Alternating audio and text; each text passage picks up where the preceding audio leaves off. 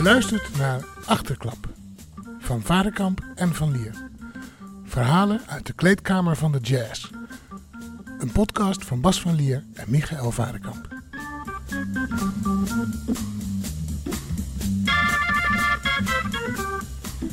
En Achterklap zit vandaag in de kleedkamers van, eh, van Paradiso in Amsterdam. Heerlijk, hè? Ja. Goed, hè? En we hebben leuke dingen. Weer te voelen, te ruiken. Zeker, we gaan met de directeur spreken ook. De kerstverse directeur Geert van Italië. Die heeft hier mooie dingen meegemaakt. En ik ga het eens even over eh, de kleding van de jazzmuzikant eh, hebben. Daar heb ik mooie verhalen Dat is over. een mooi onderwerp, ja. ja. Wat ga jij doen? Ik heb eh, vandaag een foto meegenomen, namelijk de foto, de bekende foto A Great Day in Harlem. De wereldberoemde foto. Ja. Voor, voor de mensen die hem niet kennen, ga even naar de Facebook en kijk hem. Fantastisch. Ben benieuwd wat je erover te vertellen hebt. Ja, daar is van alles over te vertellen.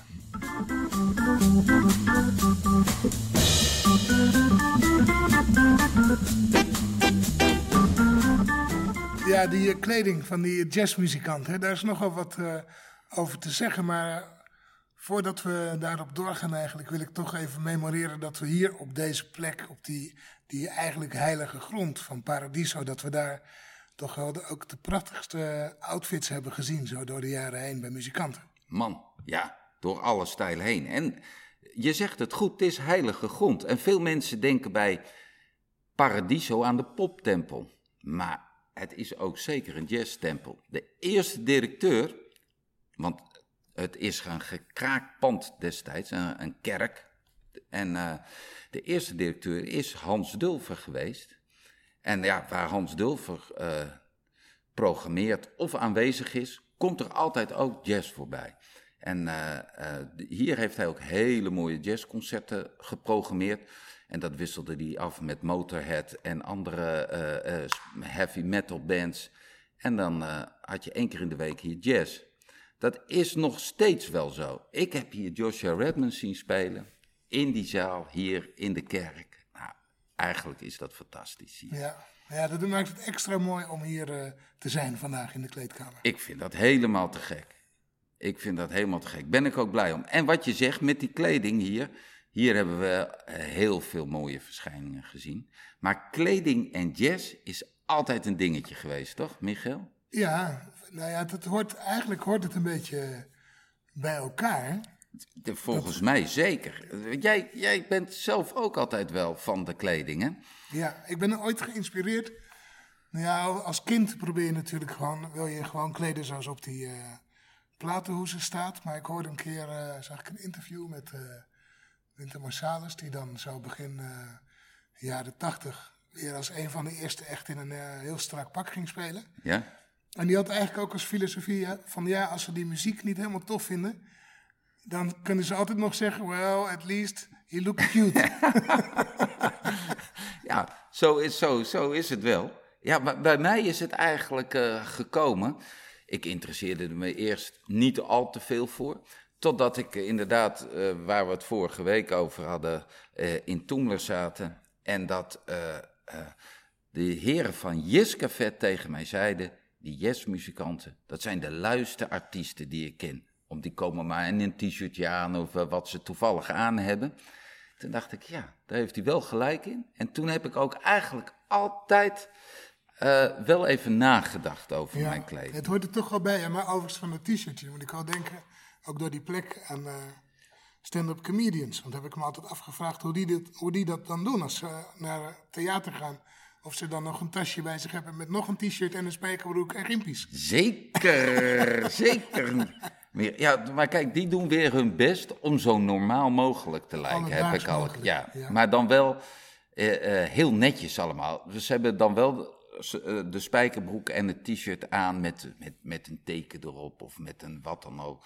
En dat is allemaal keurig netjes. Dat is hoe eh, zie ik er zo normaal mogelijk uit. Dat is ook weer een heel, heel ding. Ja, zeker. Misschien lopen die wel heel extravagant de deur uit als ze weer naar huis gaan. Dat zou ook kunnen. Op podium even t-shirtje aan, broekje aan, eh, spijkerbroekje aan. Van kijk, ons is normaal zijn. Het is natuurlijk ook mooi hè, als wij eh, als we aan het spelen zijn, op een gegeven moment dan ben je daarvan bewust dat je staat op het podium, maar mensen kijken ook gewoon twee keer een uur tegen jou. Zit ze gewoon naar je, naar je Ja. te kijken. En het is, ik vind het altijd fijn als er een soort, als het samenvalt. Met de muziek, die kleding, met- en met je persoonlijkheid. Het is Ja. een soort driehoek eigenlijk. Nou, dat, dat vind ik ook. Dat vind ik ook. En, en kijk, wij houden met z'n tweeën erg van die nostalgie. Van, eh, en wij hebben allemaal die foto's en die Tuurlijk, posters op ja. de wand gehad van die ongelooflijk goed uitziende jazzmuzikanten uit de jaren 40. Weet je wel, dat je dacht, zo, wat ziet dat er. Daarom gingen we ook allemaal roken en daarom, eh, eh, die pakken zaten als gegoten. Mooie schoenen. Hele mooie schoenen. Maar er zat destijds ook straf op. Hè? Als je in de Duke Ellington Band zat, bijvoorbeeld, grote orkest, big band, dan moesten je manchetknopen moesten ge- gepoetst zijn. Moest je overhemd gestreken zijn. Je moest er perfect uitzien. Dat zie ik hier eh, in de big band nou nog niet gebeuren, dat die eis gesteld wordt. Nee, ik ken eh, een verhaal van eh, de nog jonge Miles Davis, die eh, net in New York is. Die komt natuurlijk van het platteland. Zoals heel veel eh, bekende jazzartiesten natuurlijk. Hè, vaak uit het zuiden of uit... eh, en die komen dan in de grote stad. En eh, Miles die raakte goed bevriend met, eh, met Dexter Gordon, met Coleman Hawkins. En die dacht in het, ergens in de eerste weken, leuk, we gaan lekker op stap. Dus hij meldde zich op de afgesproken tijd. Toen mocht hij niet mee, omdat zijn kleding niet goed was. Toen zeiden die oude muzikanten, zeiden, nee, ho, ho, wacht even. Zo kan je niet mee, hè? Nee, maar zij waren de hipste gasten die Ja. er waren, die jazzmuzikanten. Die hadden pak. Alhoewel, ik ook wel, ik moet altijd ook wel lachen om die eh Ben Webster en eh, dat soort mannen. Die hadden dan die pakken met die broeken. Die, en ze hadden dan een enorme buik en dan ging die broek eroverheen. En die ging tot on- onder hun tieten, zeg maar, want die hadden ze echt, ging die dicht. Eh, En eh, dan denk ik altijd, ja, wanneer trek je nou zo'n broek aan en denkt, eh, sluit, sluit hem zo onder je tieten en denkt van, ja, deze staat goed. Doet u met deze maar. Ja, maar dat was toen een beetje in de mode, hè? Ja, dat is waar. Toen kon dat. Ja, ja mode is natuurlijk, de jazz heeft heel veel trends neergezet ook in die tijd. En het rare is eigenlijk, maar dat vind ik ook wel weer typisch Nederlands. Wij, onze eh scene waar we groot mee zijn geworden in Nederland, zeg maar het BIM-huis, het BIM-circuit, die ging weer totaal het andersom doen. Die waren hoe scheuren in je broek en een t-shirt eh, zo oud mogelijk, gewoon op het, op het podium. Zeg maar wat die comedians nu doen, wat jij net zei. Alleen dan niet een nieuw t-shirtje aantrekken, maar die je al twee weken aan had. En, eh, eh, en eh, zo normaal mogelijk doen. En, en dat het eigenlijk weer abnormaal was. En daar, daar stond dat BIM-circuit bekend om, om een slechte kleding, zeg De rebelsheid van de jaren zeventig. Ja, ik ken eh, verhalen van Breuker, dat eh, collectief, dat die hadden op een gegeven moment op alles, dus kleding, maar ook met spelen. En dan hadden ze als onderdeel van hun concert dat de vleugelpoot, dus van de, van de, van de piano, van de vleugel, tijdens het concert afgezaagd werd. En, eh, maar dat vertelden ze natuurlijk de boekers niet, weet je wel. Dus die zaten te spelen op zo'n eh, vleugel van, nou, wat zou het zijn? 80.000 tot een ton meestal in zo'n eh, in zo'n theater, in zo'n club. Veel voor gespaard voor die vleugel. En eh, alstublieft, we hebben hem nog laten stemmen. Gaat u lekker spelen. En dat dan zo'n programmeur halverwege de avond een zaag voor, voorbij ziet komen. En denkt, nou ja, zo, eh, misschien zingende zaag, weet ik veel. Want het was toch allemaal piepknorden in die tijd. En dat ze in één keer aan die vleugel beginnen te zagen. Statement. Ja, nou ja.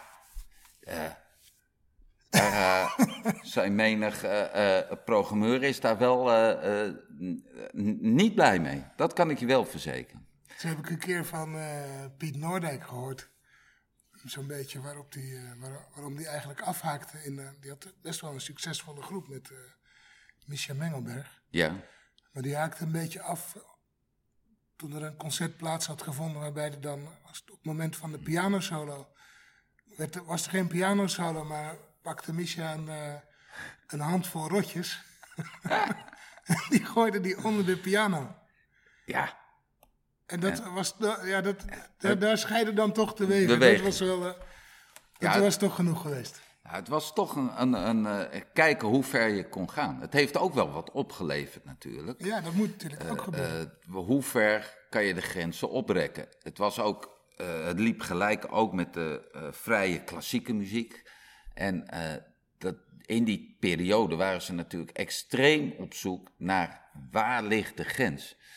Nou ja, die ligt zeg maar bij als je de pianopoot onder de vleugel van de organisatie gaat zagen. Dan, daar ligt wel een degelijke grens.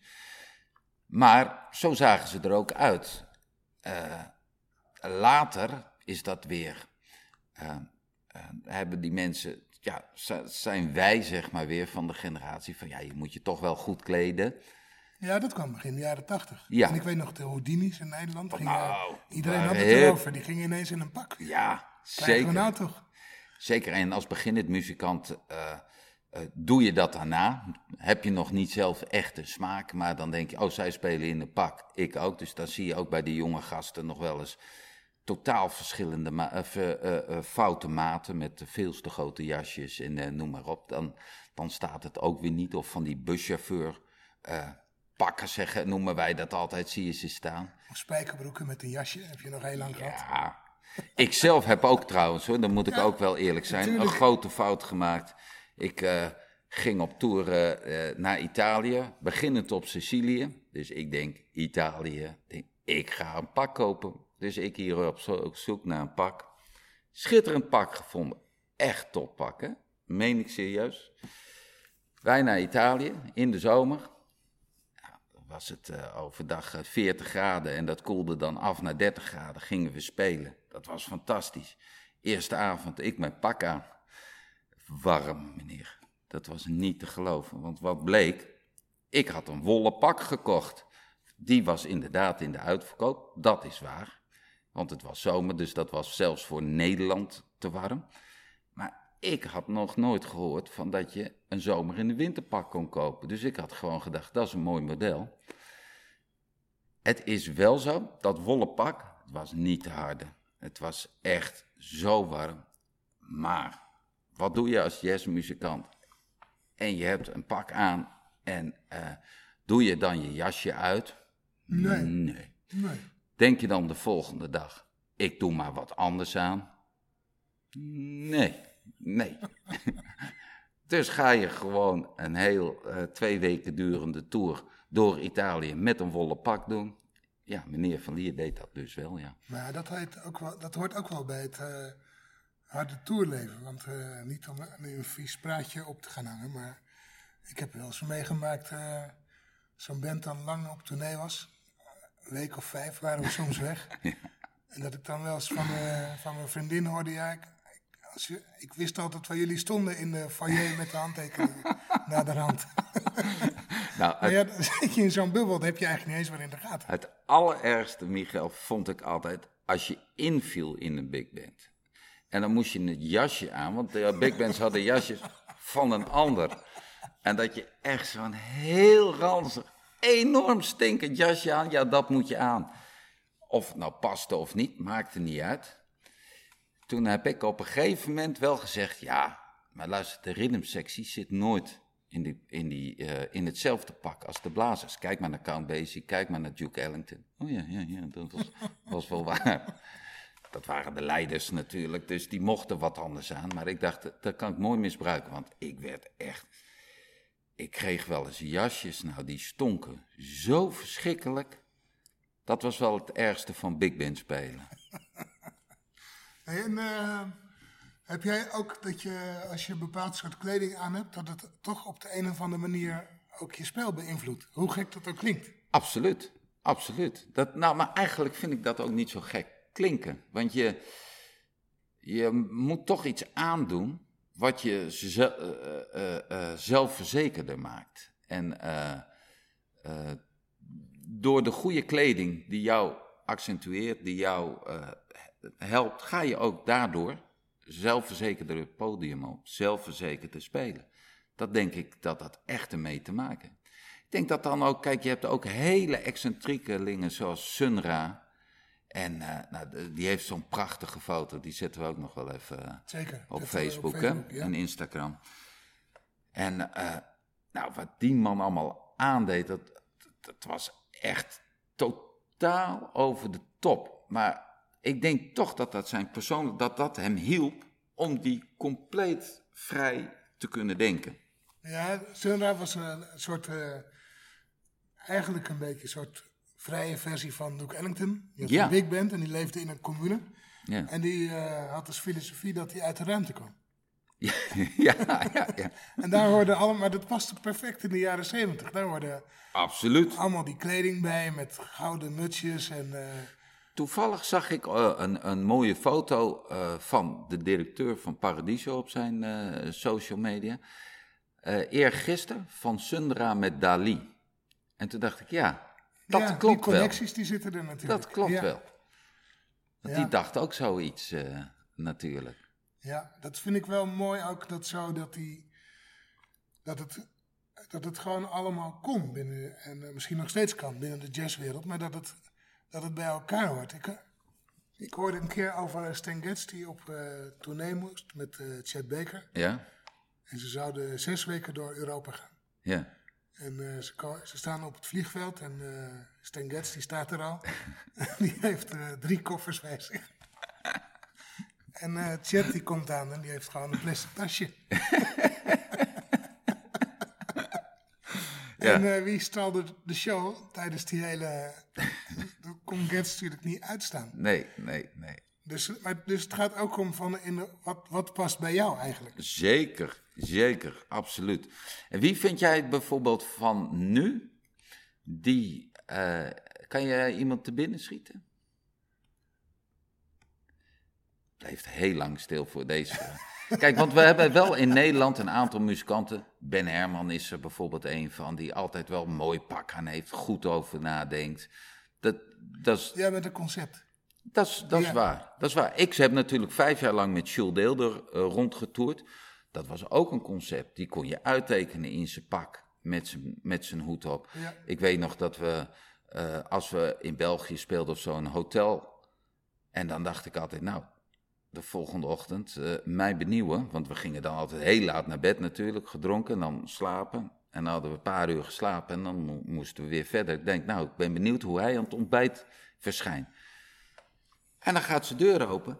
Helemaal strak in het pak. Haar nog precies zo. Hoed weer op. En eh, dat ik denk, ja, die heeft gewoon in dat pak ook gewoon liggen slapen. Die, die, die was dat gewoon. Kon je uittekenen. En dat, dat, dat vind ik ook wel iets moois hebben. Ja, zeker. Maar die herkende je eigenlijk niet als die geen, Nee. als die geen vet in zijn haar had. Nee, En, we, eh, we, we speelden een keer in Leeuwarden. Had hij een groen jasje aan. Echt knalgroen. Maar mensen zien gewoon, Jules, zwart pak, hoed. Komt er iemand uit het publiek. Fantastisch concert, zegt hij. Fantastisch. En schitterend, hè, Jules, helemaal in het zwart. Terwijl die ernaast staat, in een knalgroen jasje. Maar mensen zagen dat niet, omdat hij gewoon zo vaak eh, eh, dat zwarte pak aan had. Dat, dat was Jules. Maar ik, de, jij, eh, nu heb jij even kunnen nadenken over iemand waarvan je zegt, ja, die heeft een stijl en een, en een iets. Ja, je noemde net Joshua Redman, vind ik bijvoorbeeld tof. Die heeft een soort eh, Ja, losheid in hoe die, eh, die heeft geen stropdas meer. Het was natuurlijk wel even, want ik kijk dan toch, ben ik geneigd naar het eh, buitenland te kijken. Dat Mhm. je, je had die beweging in de jaren tachtig, in Amerika kreeg je die pakken, iedereen strak met dassen. En, en nu is dat, is dat een beetje wat, wat losser geworden bij Ja. velen. Ja, Ja. Toen had je natuurlijk ook die, ik spring nog even terug naar die tijd, dat je die film Mo Better Blues. Ja, zo, Dat je met dat was roze hip. pakken en paarse pakken. Dat en was hip. Knetterhip was dat. Zo, ja, ja. Dus dat ja, was, ja, dat ja. vond ik toen heel, eh, dat vond ik heel, in- dat heel inspirerend qua, qua kleding en die tijd. En het had Ongelooflijk. toch een soort nostalgische, Ja, dat was, nostalgische kick. ja, ja, dat was net als dat mensen, als je een willekeurig iemand vraagt, hoe moet een jazzclub eruit zien? Dan zien ze rokerig met eh, rood Ja. plush, lampje en de band daar en, eh, en, en, en, en, en lekkere drankjes. Ja. Dat, dat zien ze voor zich. En men, muzikanten, mooi strak in het pak, hip pak. Ja, art deco-achtige omgeving. Precies, precies. Maar zo heb ik ook, eh, ik zag ook een keer in New York eh, Dave Douglas, een trompetist, een beetje obscure trompetist. Hm? Maar die speelde met zijn mouwen opgestroopt. Dat vond ik eigenlijk ook een heel mooi Ook eh, zi- ja, ja, ja. Ja, dat... eh, Die, zag je echt aan het werk gaan en dat was heel mooi om te zien. Ja. Ja, die had ook bijvoorbeeld... die, die mensen in die tijd, die deden bijvoorbeeld saxofonisten ook... van hoe je je sax moest eh, pakken, weet je wel. En eh, als je niet speelde, dat je hem bijvoorbeeld onder je arm deed... in plaats zo voor je buik te laten hangen en armen naar beneden. Dat ziet er niet uit. Dus dan deden ze hem zo onder hun arm en dan... eh, Sigaretten bij ergens. Of course. Ja. Nee, dat, dat, dat, zeker.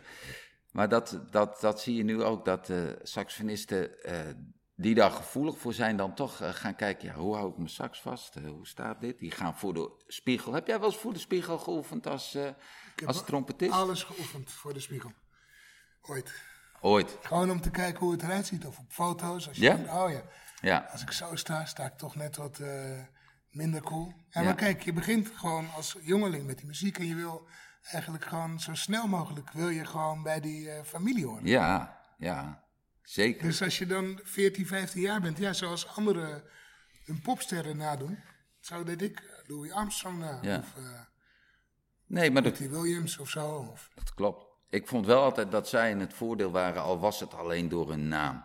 Kijk, als je Brother Jack McDuff heet, ja, dan hoef je al, eh, je- sta je toch met 3-0 voor, Ja. weet je wel. Maar om- later uit te vinden dat heel vaak die mensen niet echt zo heten, maar dat ze gewoon goede artiestennamen na, namen, ja. als het zo uitkwam. Ja, ja, ja. ja nou, nou zijn er hier in Nederland dan ook een paar die dat ook gedaan hebben.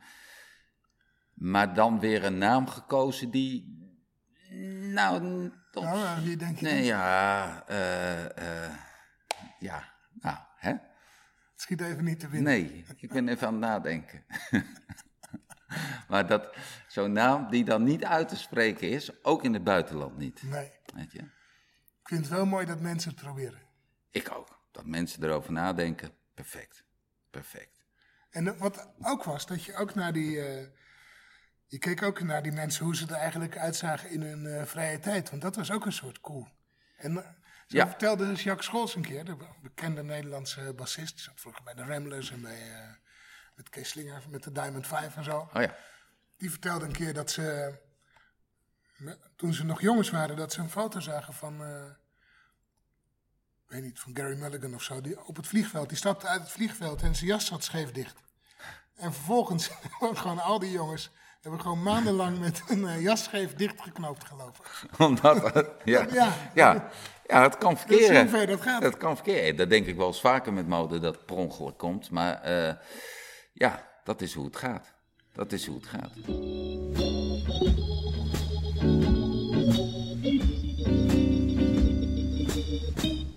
Jawel, we zitten hier in de Paradiso met de grote baas zelf. De algemeen directeur Geert van Italië.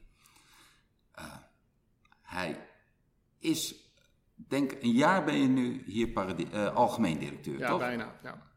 Maar dat was natuurlijk wel een gevoelige, eigenlijk een soort Ajax-Feyenoord transfer. Hier in Amsterdam was dat natuurlijk groot nieuws, want jij komt van de Melkweg. Ja, ja dat, dat heeft wel wat stof doen opwaaien. Het was ook eh, geen gemakkelijk besluit om te nemen om, eh, om hier naartoe te gaan. En, eh, het grappige was, ja, Ajax Feyenoord, die, voor, die vergelijking maakte een journalist toen ook.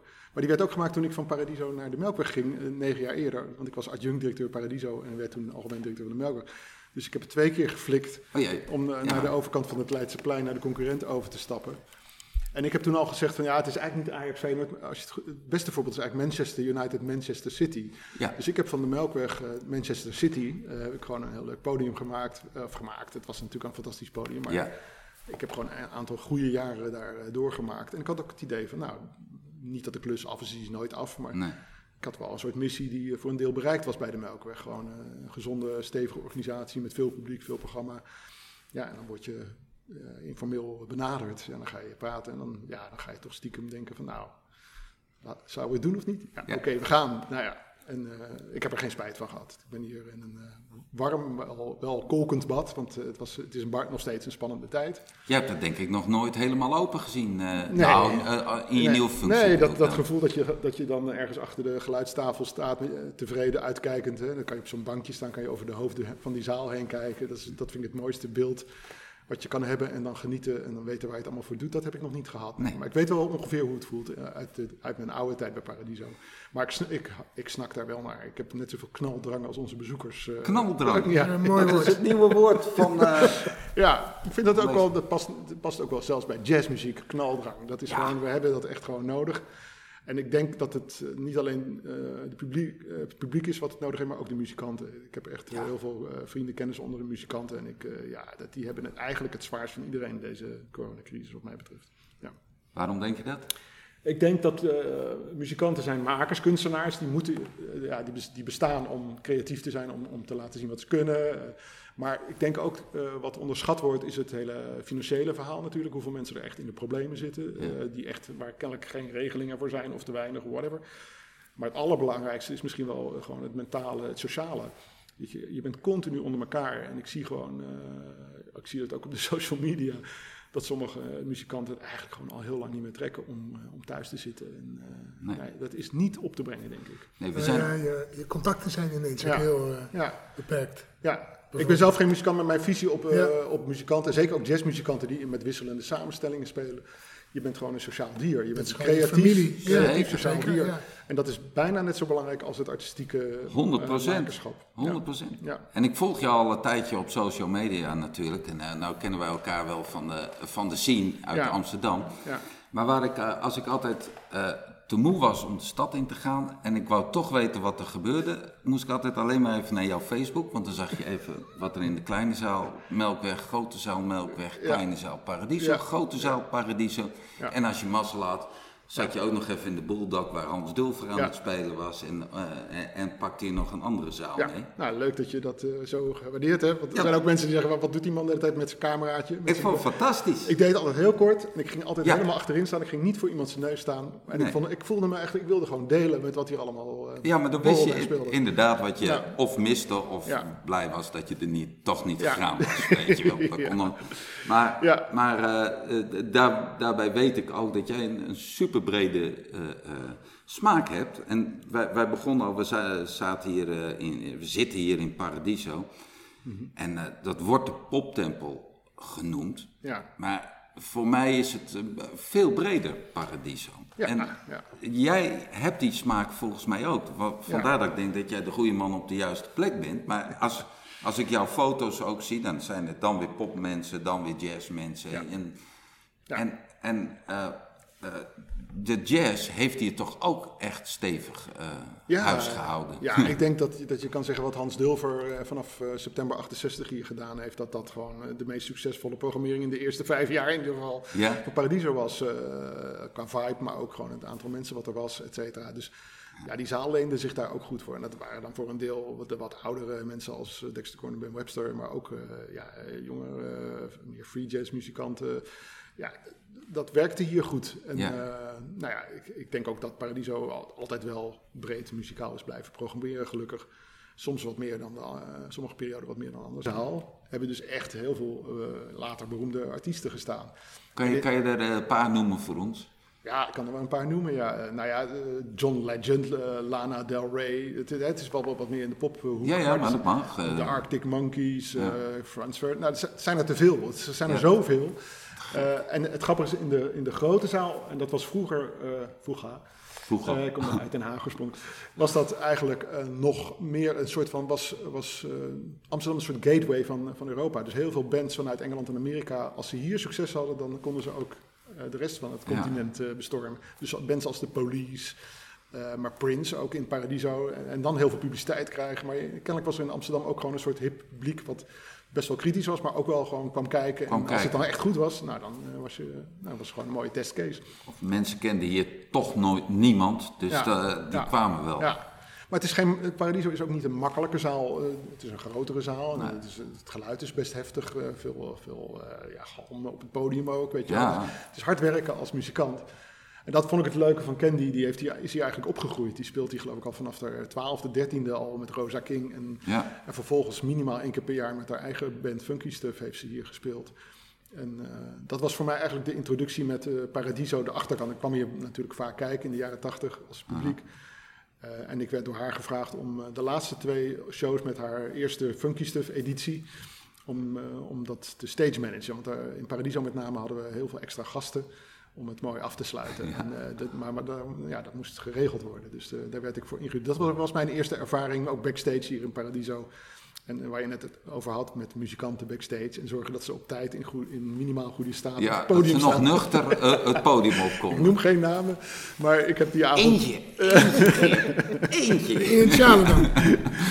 Nou goed, het is wel een mooi verhaal. Ik, dat was een tournee waar, dat is de enige, was dan eigenlijk de, de, het laatste rondje wat ze deed met, met die funkstuk waar haar maatje Ilko Bet niet meedeed. En Ilko is een Ja. muzikaal genie en heeft eh, ook in die beginjaren heel veel eh, voor haar gedaan qua productie en nummers geschreven. En Ilko was een fantastische bluesgitarist, is een fantastische Is. bluesgitarist. En Ilko die deed die avond nog, kwam die weer terug als een soort van comeback nadat hij eigenlijk een jaartje niet had meegespeeld. En, eh, Dus ja, Ilko heb ik toen gemanaged. Eh, maar ik heb ook de, de toenmalige gitarist Persijn Joling. eh, die speelde in eh, bekende bands in, de, in de popmuziek, de Pilgrims onder andere. En, Ja. Gewoon een fantastische gitarist. Ook een hele goede jazz and fusion gitarist over.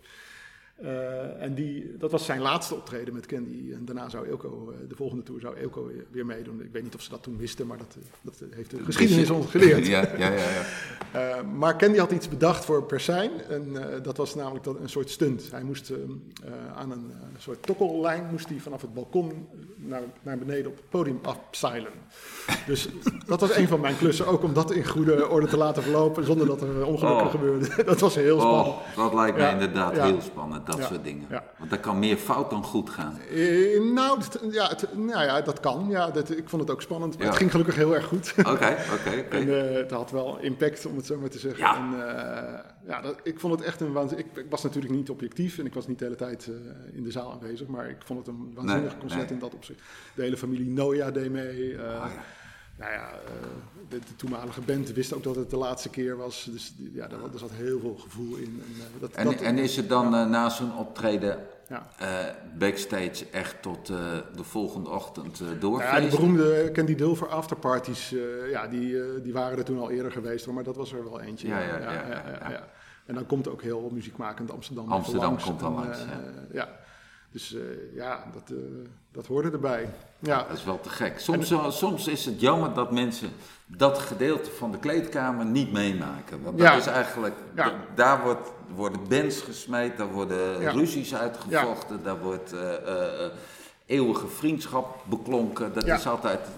Ja. En is dat veranderd nu? De laatste jaren? Nou, ik kom nog? niet, ik kom, kijk, sinds ik bij Podia werk, dus vanaf 2001 bij Paradiso, eh, daarna Melker en nu bij Paradiso, ben ik bijna nooit meer in kleedkamers geweest. Ik heb het altijd voor mezelf heel erg gescheiden gehouden. Dus ik hoor, het is alleen wat ik dan eh, van de programmeurs hoor, of van de mensen van de productie hier, van oh, er is weer iemand eh, bezig geweest, of dit of dat.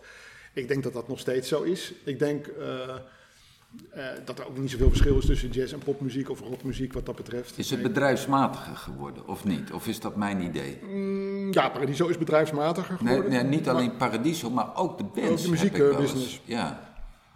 Nou, ik, ik weet het niet. Ik denk dat eh, als je nu hoor- hoort de verhalen van, eh, van de huidige generaties popsterren of, of ook jazzartiesten, eh, dat ze toch eh, op dezelfde manier moeten dealen met de harde werkelijkheid waar ze in zitten. Het is natuurlijk fantastisch om continu op tournee te zijn, eh, zeker als je wereldster bent. Maar ja, ik, ik, ik heb soms even, als, ik lees heel graag autobiografie of biografieën van, van, van muzikanten en popsterren en jazzsterren. Maar het is ook vaak het verhaal van, jezus, ofwel verslaving, of dan wel eh, ja, gewoon een ongelukkig eh, privéleven dat je zo vaak van huis bent. En Het is gewoon heel, mentaal heel zwaar, denk ik, om op Dat denk te zijn. ook. En zeker als je met z'n allen, met diezelfde gasten of eh, types in, eh, in een busje moet zitten. Hè, dat, eh, het is een sociaal beroep, maar het is, het is ook een beroep wat, eh, wat daardoor gewoon zwaar is. Ja. Eh, dus het heeft twee kanten.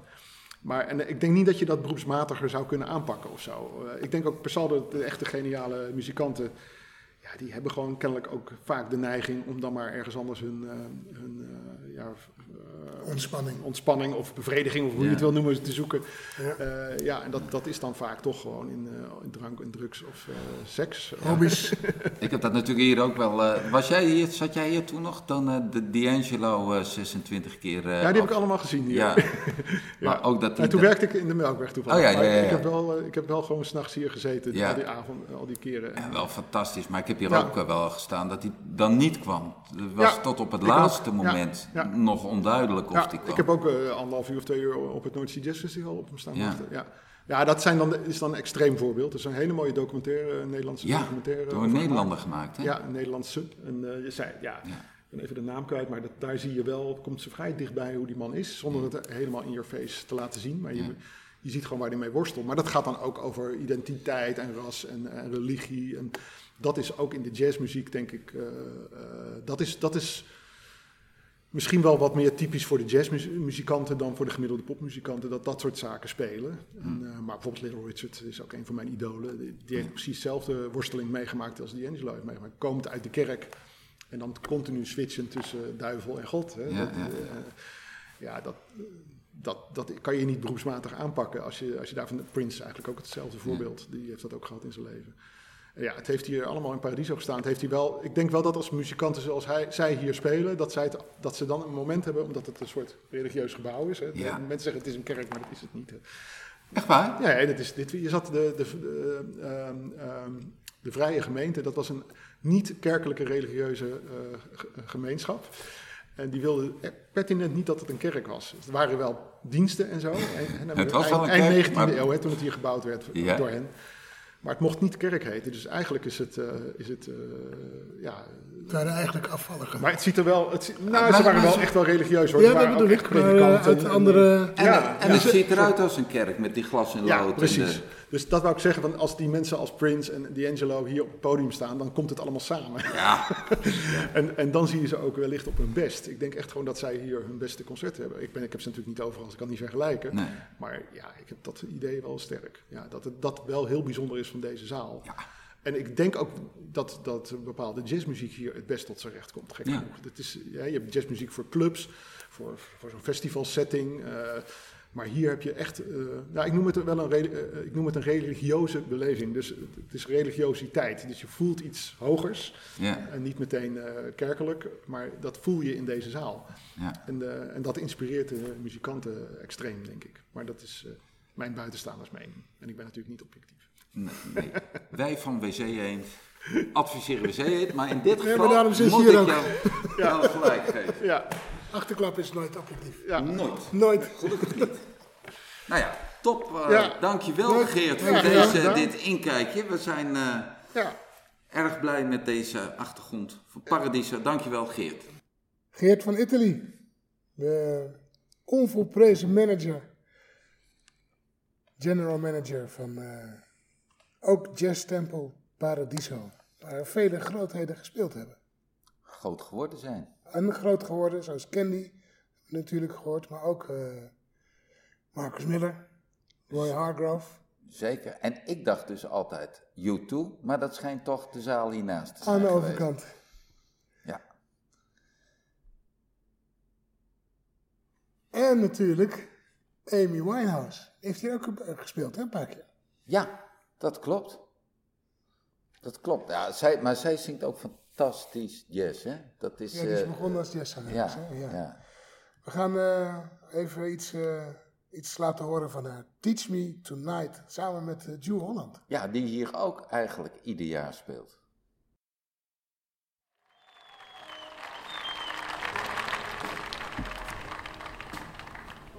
Live, het is live. Gelukkig. Did you say I had a lot to learn?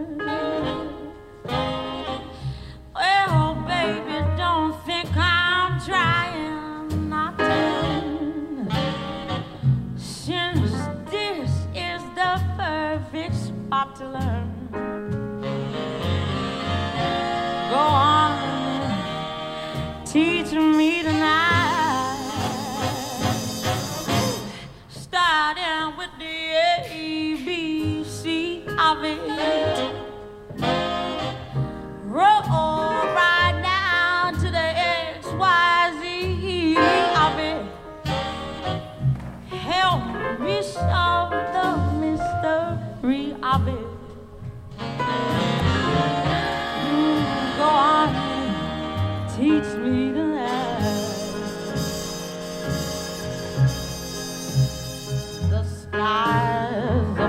A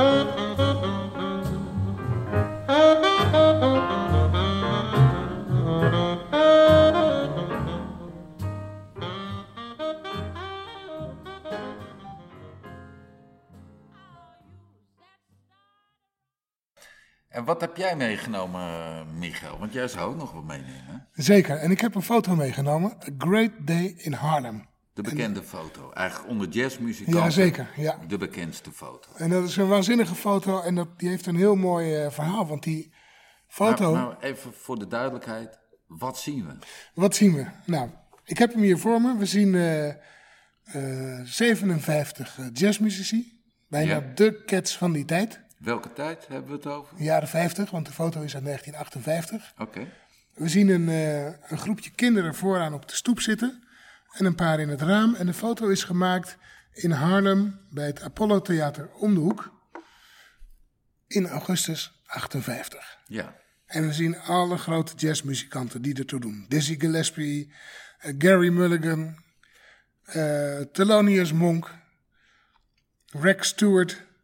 Echt alle grote. hè? Die waren allemaal daar op dat moment. En die foto is gemaakt door, eh, dat was eigenlijk een initiatief van het tijdschrift Esquire. Ja. Bekend en groot tijdschrift in die tijd daar. En nog, Nog? nog steeds. En die eh, hadden een speciaal jazznummer in gedachten.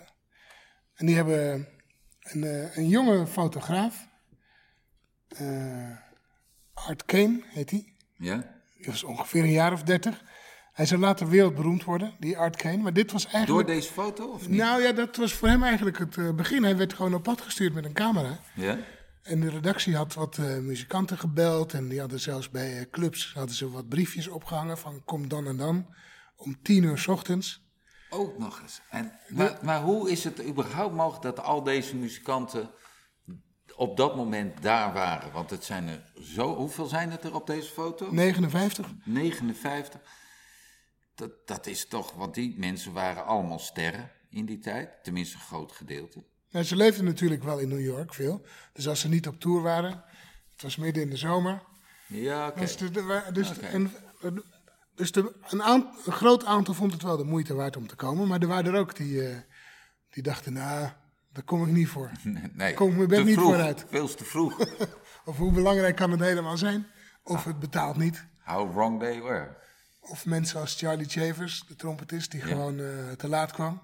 Ja. Terwijl het fotomoment al voorbij was, eh, s smiddags om twee uur. maar heel veel waren er ook wel. En eh, er is die foto, die, eh, nee, dat was gelijk een instant succes eigenlijk. Die gaf eh, een heel mooi beeld van de, van de scene in die tijd. En als je naar die foto kijkt, wat opvalt, is dat je heel veel lichte pakken ziet. Ja, je zou zeggen dat er een kledingadvies is gegeven. Ja, om nog, om nog even eh, dat terug te koppelen naar ons eh, gesprek van hiervoor, voor Geert, over, eh, over die kleding. Ja. Ehm, terwijl in die tijd het donkere pak was eigenlijk in de mode. Maar wat mensen dachten, want sommigen hadden natuurlijk wel in de gaten dat het een historisch moment was. Ja. En die dachten, nou, ik kan wel in een donker pak gaan, maar weet je wat? Laat ik dat nou niet doen, want dat doet iedereen. Ja. Dus ik doe een lichtpak aan. Ja, ja, ja. ja. Maar ja, met als gevolg dat gewoon 90% van die, eh, van die muzikanten op die foto, die staan in een lichtpak. En, en je herkent eigenlijk alleen de, de paar die in een zwart, zwart pak zijn. Ja, nou, je ziet ook hier eh, Monk staan bijvoorbeeld en eh, Dizzy met Roy Eldridge. En hier is een soort kluitje, want dat was ook een soort reunie, maar ook mensen uit, dezelfde vakgroep die elkaar opzochten. Dat eh, Art Blakey, eh, die staat ernaast, Gene Krupa en Joe Jones. Dus die mensen hebben natuurlijk een fantastische dag gehad. Het is wel ongelooflijk, deze foto. Hè? Dat Mooi, is, hè? het is, het is een, eh, een hele bekende foto, maar iedere keer als je hem ziet, denk je toch weer dat die foto ooit gemaakt is met, met eigenlijk al je helden die je alleen kent van platen bij elkaar. Met, met ook inderdaad, je had destijds wat nu natuurlijk ook extreem, eh, of een tijd terug extreem was West Coast, East Coast met de rappers. Maar dat had je in de jazz eigenlijk ook altijd. Ja, zeker. En, Ja. en, en, en dat staat hier gewoon wel allemaal door elkaar. Ja, iedereen die dan vroeg of laat naar New York was gegaan, Ja. want daar was het natuurlijk toch te doen. Als die erbij kon zijn, dan... eh, dan stond hij erbij. En Dan zie je hij ook dat ja. het helemaal eigenlijk allemaal heel vriendschappelijk ging. En dat het eigenlijk ook allemaal vrienden waren eh, of, of, of allemaal respect voor elkaar hadden. Ja, zeker. Want er zaten ook. Sonny Rollins zat erop bijvoorbeeld, maar die keek dan weer heel erg op tegen, tegen Benny Golson of Coleman Hawkins. Weet je, dat waren Ja. echt idolen voor hem. En dat hangt er eigenlijk ook over. Dat, het gaat ook dwars door leeftijden en door stijlen. En eh Ja, Rex Stewart was ook zo'n eh, zo'n voorbeeld. Die is eigenlijk bekend uit de wat oudere jazzstijl, maar ze staan hier allemaal bij elkaar. Henry eh, Red Allen. En nu is het zo dat er een prachtige documentaire is over die foto. A Great Day in Harlem. Die staat op YouTube ook. oké. Kan je zo opzoeken en bekijken. We zullen het linkje Natuurlijk Plaatsen. op de welbekende socials plaatsen. op de socials van Achterklap. En dan zie je eigenlijk dat hele verhaal prachtig verteld. Door die Art Kane natuurlijk, de fotograaf. Maar ook van mensen die eromheen hingen. Die, ook, die dat zagen gebeuren en die dachten, hé, hey, ik neem ook een foto. Bijvoorbeeld een jonge, jonge muzikant die er toevallig was. Ja? En wat ze eigenlijk allemaal zeggen, dat het eigenlijk totaal chaotisch was. Het waren natuurlijk allemaal eh, nachtvlinders.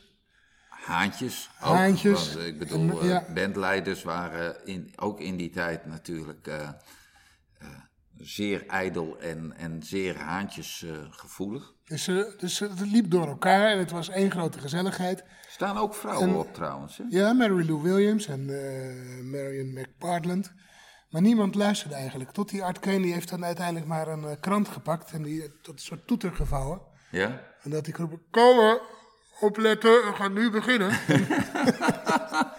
en dat hielp een beetje. Maar er zit op die eerste rij, op die foto, zie je allemaal, er zit een hele groep kinderen. Er zijn sommige kinderen van, eh, van muzikanten, maar het zijn ook kinderen gewoon uit de buurt. En die hadden bijvoorbeeld de hoed van eh, Count Basie, want die werd een beetje moe. Die zit ook vooraan op de foto. Oh, die zit, ja. Ik zie Ze hadden zijn hoed afgepakt bijvoorbeeld. Dus dat was een heel ding in de chaos dat die kinderen met die hoed aan het gooien waren en aan het rennen. En- Van, van, van, van de maestro. Van de maestro. Dus toen hebben ze toch uiteindelijk maar die, eh, die foto genomen.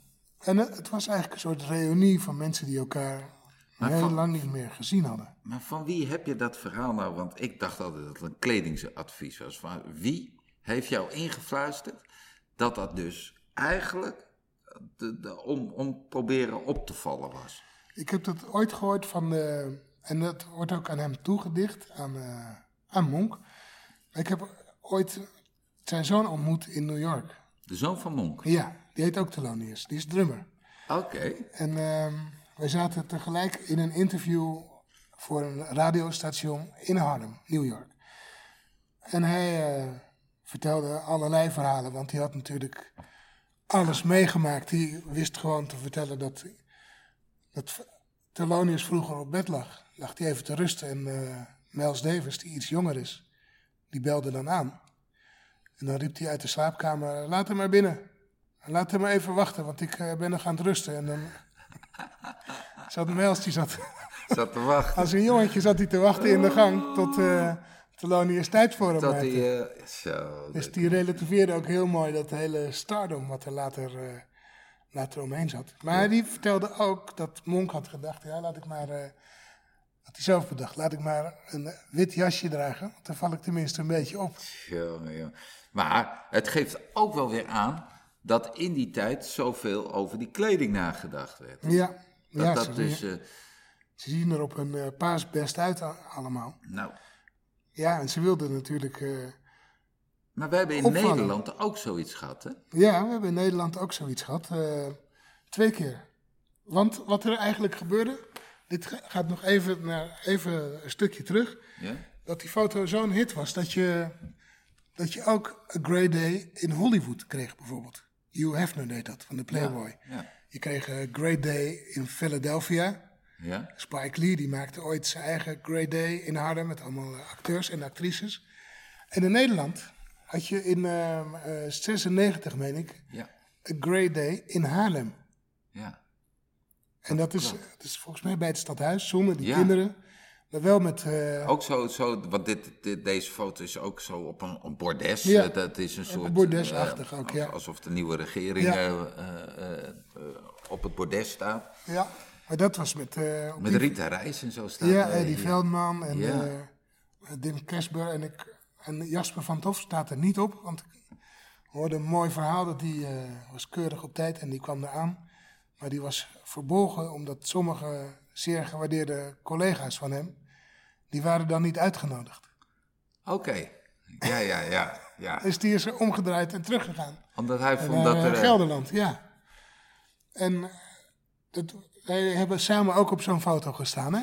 Zeker, dat deed... was 2015. een actie van de, van de Wereld Draait Door toen. Ja, omdat Radio 6 eh, Ja. ging verdwijnen. Het heeft niks geholpen, maar we hebben een topdag gehad. We hebben een top. Ja, wij hebben dat wel met z'n tweeën wel misbruikt, moet ik wel eerlijk zeggen. Die dag, die dag was heel leuk, maar het einde was. eh, hier, En ik heb hem hier eh, voor me. Ook die komt eh, op, de, op de Facebook. En hier zien we ook een zeer gewaardeerde collega die ik nog nooit met een hoed had gezien. Die staat dan toch ineens heel mooi met een hoed op de foto. wie is het dan? Dat iemand denkt van, nou ja, weet je wat, Ik, dan zie ik er gewoon, dan ja. spring ik er net wat meer uit. Wie is dat dan? Ja, hij staat vlakbij mij, geloof ik. Ik zag daar een hoed. Hier, eh, nou ja, daar.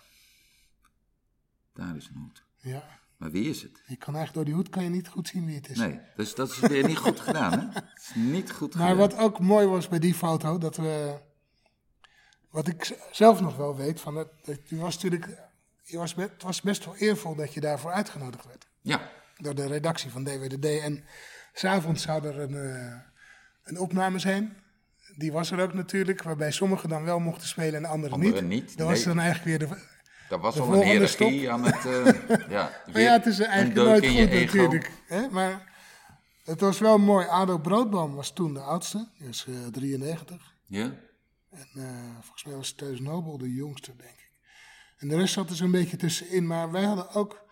Want bij die originele foto, bij Grey Day in Harlem... toen waren ze klaar om, eh, om 1 uur, 2 uur 's middags. En toen zijn ze vervolgens naar eh, Minton's Playhouse gegaan. Dat is een hele bekende jazzclub in New York. Ja. En daar zijn ze natuurlijk eh, tot de volgende ochtend doorgegaan. Nou, En wat bij ons gebeurde in feite iets soortgelijks natuurlijk. Dat we om twee uur klaar waren. En Ja. de uitzending was, was 's avonds. Om, eh, hoe laat was het programma? ja, dat, dat was Om zeven half uur of zeven uur? Zeven uur, half acht. Ja, Nou, laat maar een groep jazzmuzikanten tussen drie en zeven vrij los. van alle leeftijden. Oei, oei, oei, oei, oei. Ja, het was een feestelijke dag. We hebben heerlijk gegeten en gedronken. En, en toen, ik weet nog heel goed dat wij er in een restaurantje zaten. En toen zaten naast ons zaten Erik Ineke en Ja, Graaf. Rijn de Graaf, onze, mijn helden in ieder geval. En dat wij, dat wij zeiden, zo zitten wij er later ook bij. Ja, ja en, en ik vond, en zij waren natuurlijk eh, de generaties ouder dan, dan, dan wij twee. En eh, ik weet nog dat zij inderdaad, zij kwamen heel eh, gedegen over. En wij zaten, nou, we om, om was drie uur denk ik, we maar een cognacje doen. En daar ging het bij ons mis. Daar ging het bij ons mis, ja. Want ik weet nog, en dat, dat denk ik nog dat ik toen op een gegeven moment de helft van mijn cognac bij Rijn de Graaf over zijn broek gooide. Weet je nog? En dat ik denk, nee, waarom iedereen niet Rijn de Graaf? Nou ja, hij eh, nam het me geloof ik niet heel erg kwalijk. En we hebben de, de uitzending gehaald. Is dat zo? Ja, Ja, Nee, zeker. Die hebben Ja, we gehaald, ja. Zeker, zeker. Ja, we zien Dulfer. Ja, die staat met mij te Want ik zit dus weer te kletsen. Met, want mij zie je... Oh, jij kijkt net opzij. Ik kijk net opzij, omdat Dulfer weer Ja. wat aan het zeggen was. Ik zie Efraim Trogilio. Wel een leuk idee. Eigenlijk moet je dat gewoon eens in de zoveel tijd doen. Ja, Zo'n foto. Maar het blijft natuurlijk altijd een, eh, een eh, mindere versie van die ene foto die jij hebt meegenomen. Die, die Great Day in Harlem. Dat, dat blijft zo ongelooflijk uniek. en het was ook de eerste natuurlijk. De eerste en, en Een magisch moment. echt een magisch moment. Magisch moment in de jazz. Ik heb eh, tot besluit van deze achterklap heb ik eh, iets meegenomen. Muziek van Thelonious Monk. Hoe kan het ook anders? Ik wil toch nog even een eh, anekdote delen Ja, over hem. graag. Dat was natuurlijk een hele bijzondere man. In hoe die speelde, in hoe die zich eh, gedroeg. En hij, had wel, hij was wel een, had wel een beetje een, een afwijking. Hij kon soms heel lang heel stil zijn. Dat vertelde die zoon ook. Hij zei, die zei eigenlijk expliciet, ja, het zijn wel mooie verhalen, maar ja, het is echt niet zo leuk als je vader eh, de hele dag op bed ligt. Nee, nee. Maar goed, hij is op tournee met Art Blakey en eh El McKibben. En hij, ze zijn drie maanden zijn ze aan en af zijn ze aan het spelen. En hij zegt letterlijk geen twee woorden tegen die mensen. Hij zegt nooit goedemorgen of hallo of we gaan dit spelen. Hij zegt gewoon niks. Nee. En die eh El McKibben die vraagt dat later een keer aan hem. Hoe, eh, hoe zit dat? Waarop Monk zegt, you're too ugly to talk to.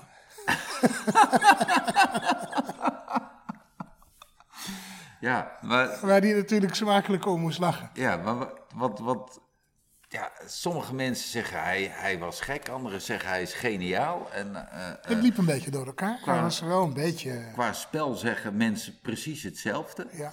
En eh, het is natuurlijk soms ook moeilijk, want hij speelt heel hoekig. En, en ook qua spel kan hij af en toe ook midden in een solo heel lang wachten met een volgende Ja. noot spelen. Dat je denkt, maar dat weet hij zo'n spanning op te bouwen. En, aan, en dat is allemaal recht en hoekig. En aan de andere kant heeft hij ook de meest mooie romantische ballad geschreven, eh Round Midnight. Dat je denkt, ja, Nou ja, hij was een beetje een groot deel van het brein hè, achter de bebop. Dus hij had gewoon die hele theorie, die had hij eigenlijk uitgedacht, samen met Dizzy. en bepalen. Ja, en als pianist zat hij, eh, kwam hij wel een beetje uit die strijd-school. Ja. maar ja, ik heb ook wel eens een opname van hem gehoord, klinkt hij precies als eh, Teddy Wilson of zo. Dus hij had al die techniek in huis, alleen hij Ah, vond gebruik het gewoon niet zo nee. interessant omdat... eh, Nee, en, en het is vaak, het is ook extreem moeilijk, dat weten wij, om, om eh, eh, drie noten te spelen over een chorus, dan al helemaal vol te spelen. Dan heb je eerder Ja. dat het goed klinkt. ja. Nou, daarom vind ik hem een waardige afsluiter voor, eh, Ik, ik vind dat, eh, ik vind weer een dag achterklap. eh, heerlijke verhalen weer, hier vanuit Paradiso. En we zullen alles op de socials zetten en over twee weken nieuw. Over twee weken nieuwe en nu nog eerst Thelonious Monk en Ruby, My Dear.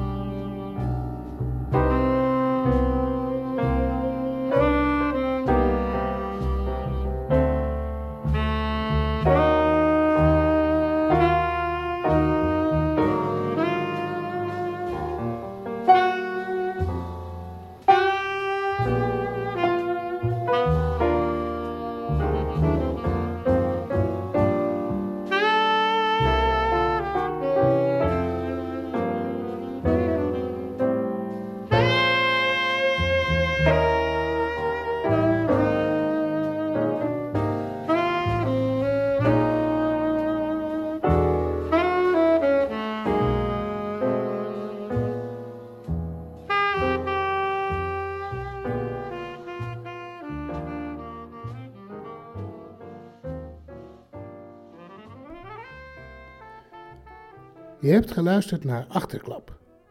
Een podcast van Bas van Lier en Michael Varekamp. Techniek Klaar Maus. Je kunt natuurlijk ook nog even kijken op onze site www.varekampenvanlier.nl